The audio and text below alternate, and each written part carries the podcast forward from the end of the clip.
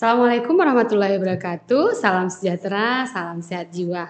Halo, berjumpa lagi dengan saya Dr. Sela da dalam acara podcast Seksi Ansietas PPPDS KJI dan kali ini saya nih mau menyambung karena saya merasa uh, kurang puas nih dengan uh, salah satu narasumber kita nih ada Dokter Ida Rohmawati, Master of Science, spesialis kedokteran jiwa konsultan. Dokter, Hai Mbak Sela, ketemu lagi. iya dokter, kembali lagi kita nih hmm. uh, untuk sekali lagi nih dokter terima kasih Uh, kita undang juga. kembali dokter. Makasih ya udah diundang seksi ansietas. Iya. Jadi kita hari ini nih dokter bakal hmm. membahas masalah kelola rasa putus asa dengan bijak. Wah keren.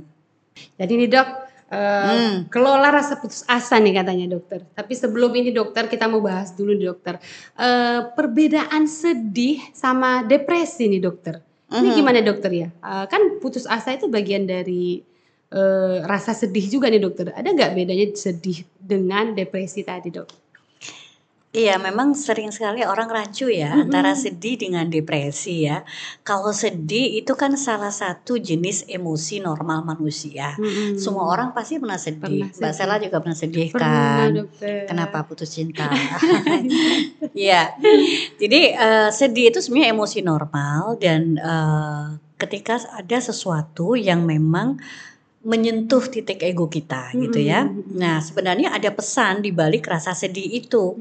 Apakah uh, tidak berdaya, apakah lonely ataukah uh, justru karena merasa tidak dimengerti oleh orang lain. Itu munculnya rasa sedih. sedih Tapi kalau sedih itu kan jelas hmm. pemicunya apa hmm. dan biasanya setelah pemicu itu hilang ya dia akan kembali menjadi normal lagi hmm. gitu ya.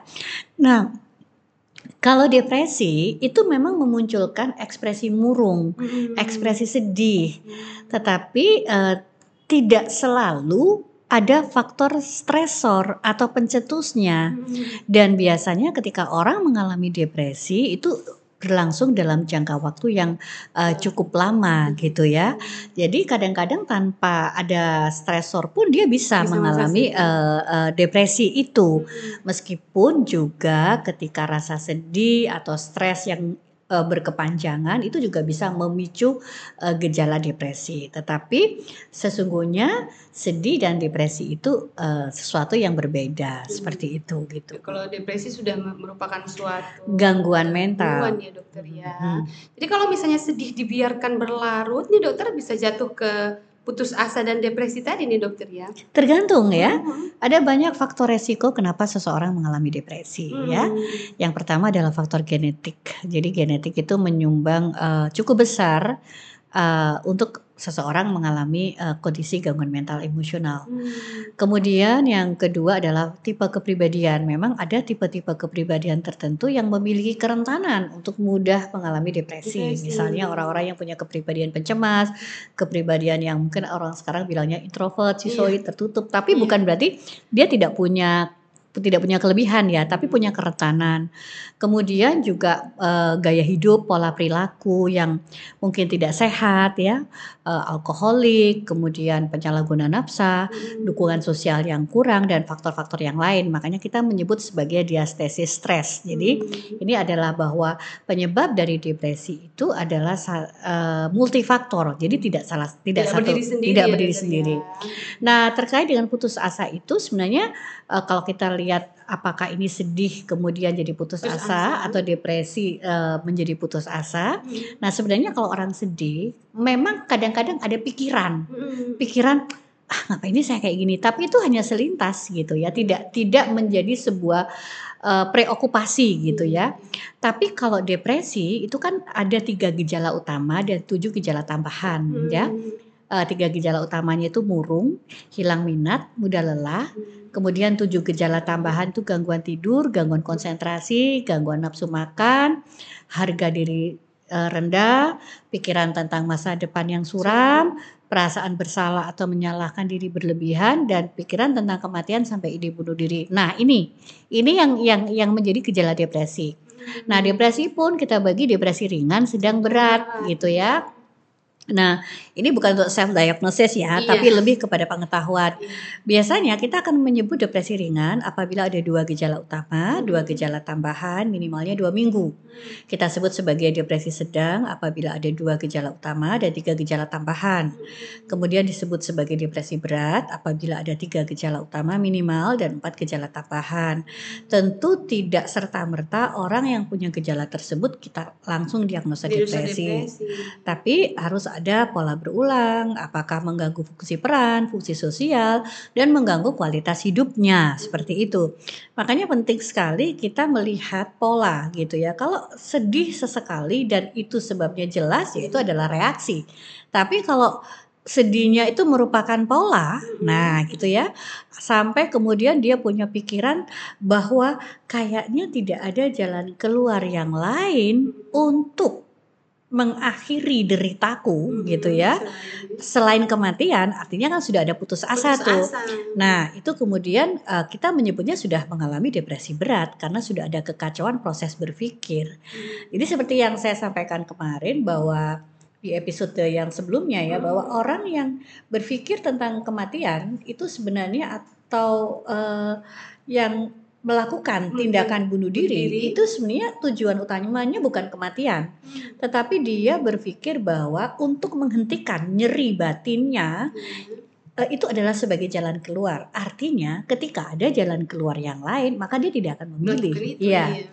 Masalahnya adalah ketika orang-orang yang mengalami depresi itu kan mengalami distorsi kognitif ya, Iya. penyimpangan proses berpikir sehingga dia sulit untuk melihat hal yang baik. Jadi yang tampak itu adalah selalu sisi-sisi negatif.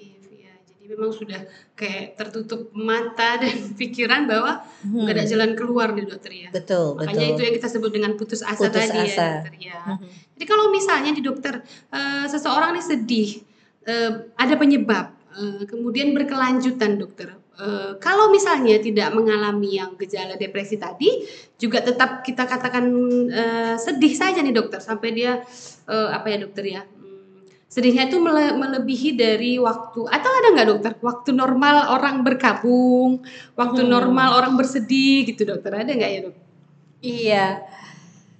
Eh kalau saya sih belum pernah untuk sedih ya. Ya, kalau iya. sedih sih kayaknya karena itu re- reaksi Reaksi. emosi ya, Hmm. kadang bisa muncul, bisa hilang. Prinsipnya kalau sedih kan stresornya Jelas. jelas Mm-mm. gitu ya.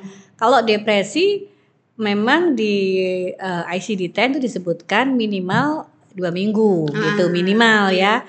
Tetapi tidak cukup hanya oh waktu dua minggu, minggu terus sedih, kita langsung depresi enggak gitu. juga Wah. gitu ya kan.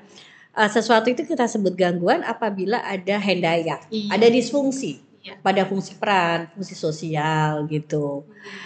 Dan kalau itu ada alasan yang logis, ya reaksi wajar gitu. masih dalam reaksi sedih tadi dokter Betul ya.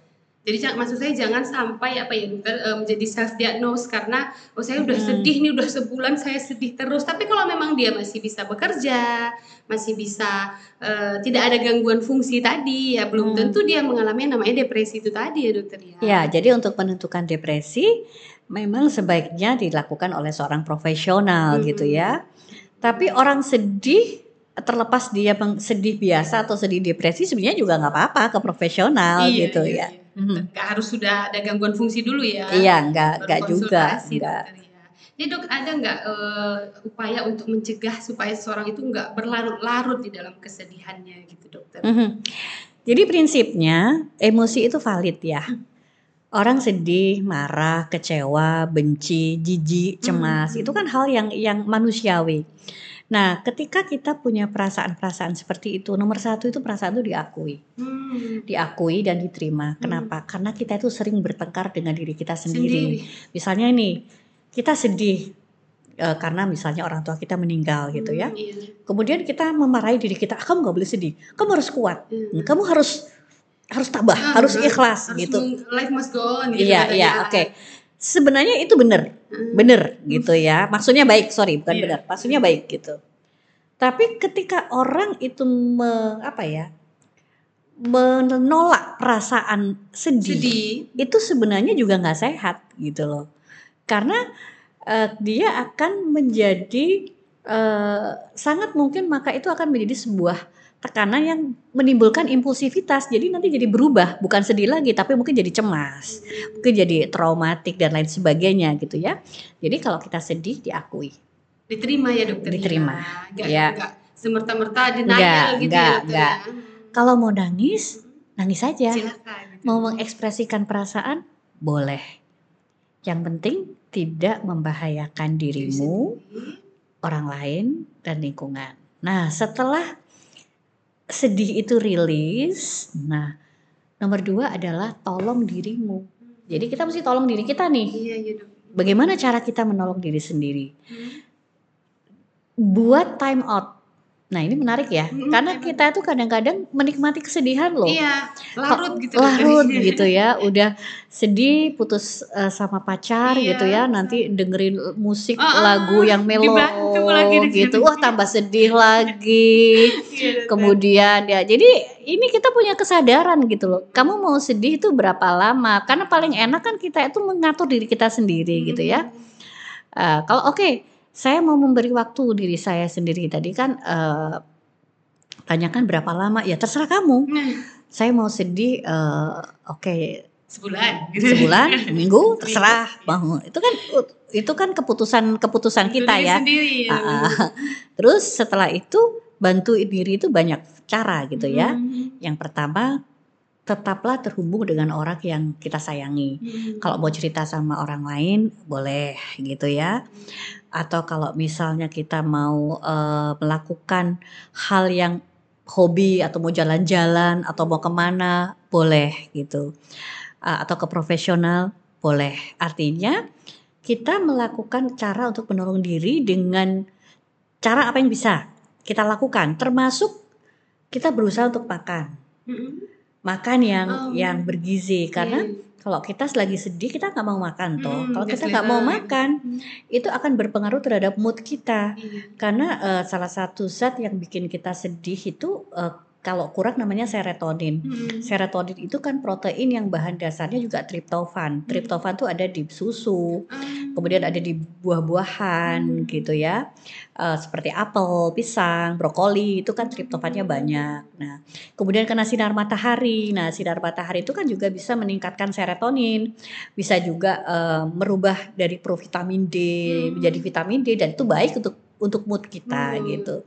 Jadi kalau kita nggak mau sedih sampai putus asa, ya kita harus tolong diri kita. Tapi bukan menolak perasaan itu. Kalau sesekali perasaan itu muncul, ya wajar-wajar saja gitu. Karena kan kita juga masih manusia, manusia. biasa gitu ya. Tapi kabar baiknya adalah seberat apa pun yang kita adepin, hidup memang nggak makin berat. Hmm. Sorry, hidup nggak makin ringan. Iya.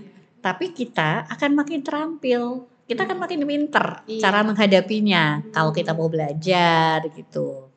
Tapi kalau uh, putus asanya tadi karena depresi, iya. ya beda. Itu berarti gangguan. Beda, penanganan ya. Beda ya. penanganan. Meskipun orang yang sedih berkepanjangan punya resiko gitu. Tapi uh, kalau depresi memang bisa tanpa stresor dia mengalami pikiran-pikiran putus asa bisa.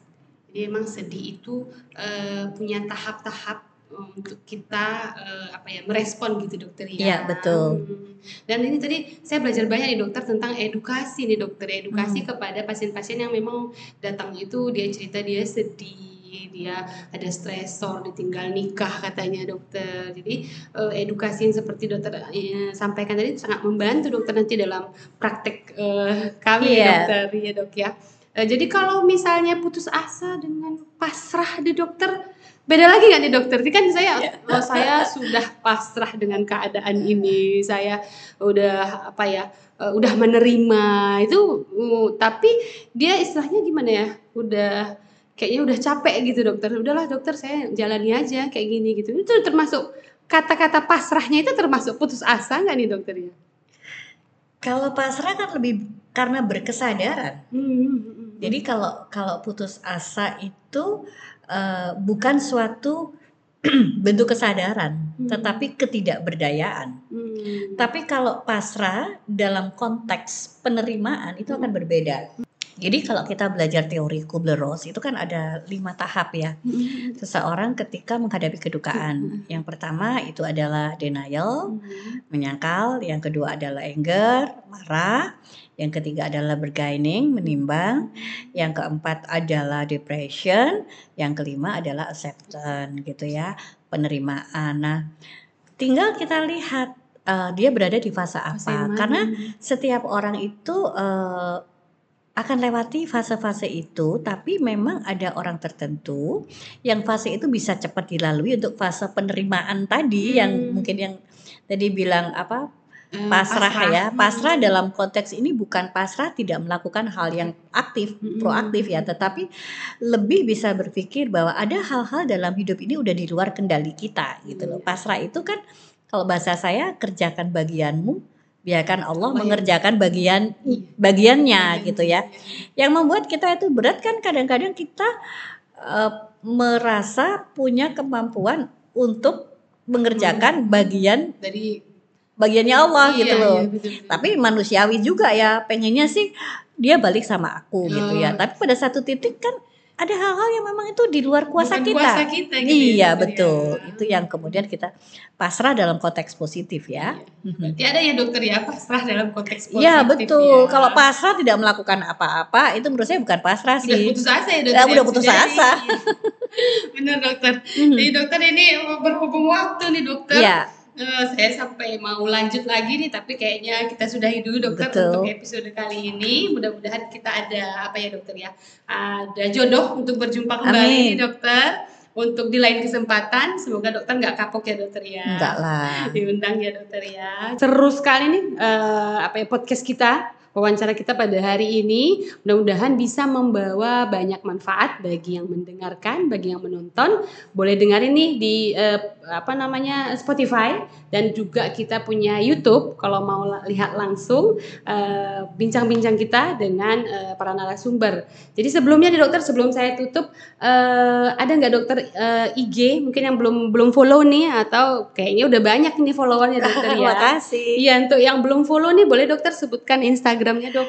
Iya, saya membuat uh, media edukasi lewat Instagram melalui akun @newidapsikiater. Jadi nanti di sana teman-teman uh, bisa melihat uh, kadang saya live ya, kadang juga uh, ada carousel informasi edukasi tentang kesehatan jiwa. Jadi jangan lupa follow @newidapsikiater. Memang khusus untuk edukasi nih tujuannya dokter ya yang Instagramnya. Oke, jadi jangan lupa untuk follow dan semoga bisa berjumpa lagi pada lain kesempatan. Tiada kesehatan tanpa kesehatan mental. Salam sehat jiwa. Wabillahi taufiq hidayah. Assalamualaikum warahmatullahi wabarakatuh.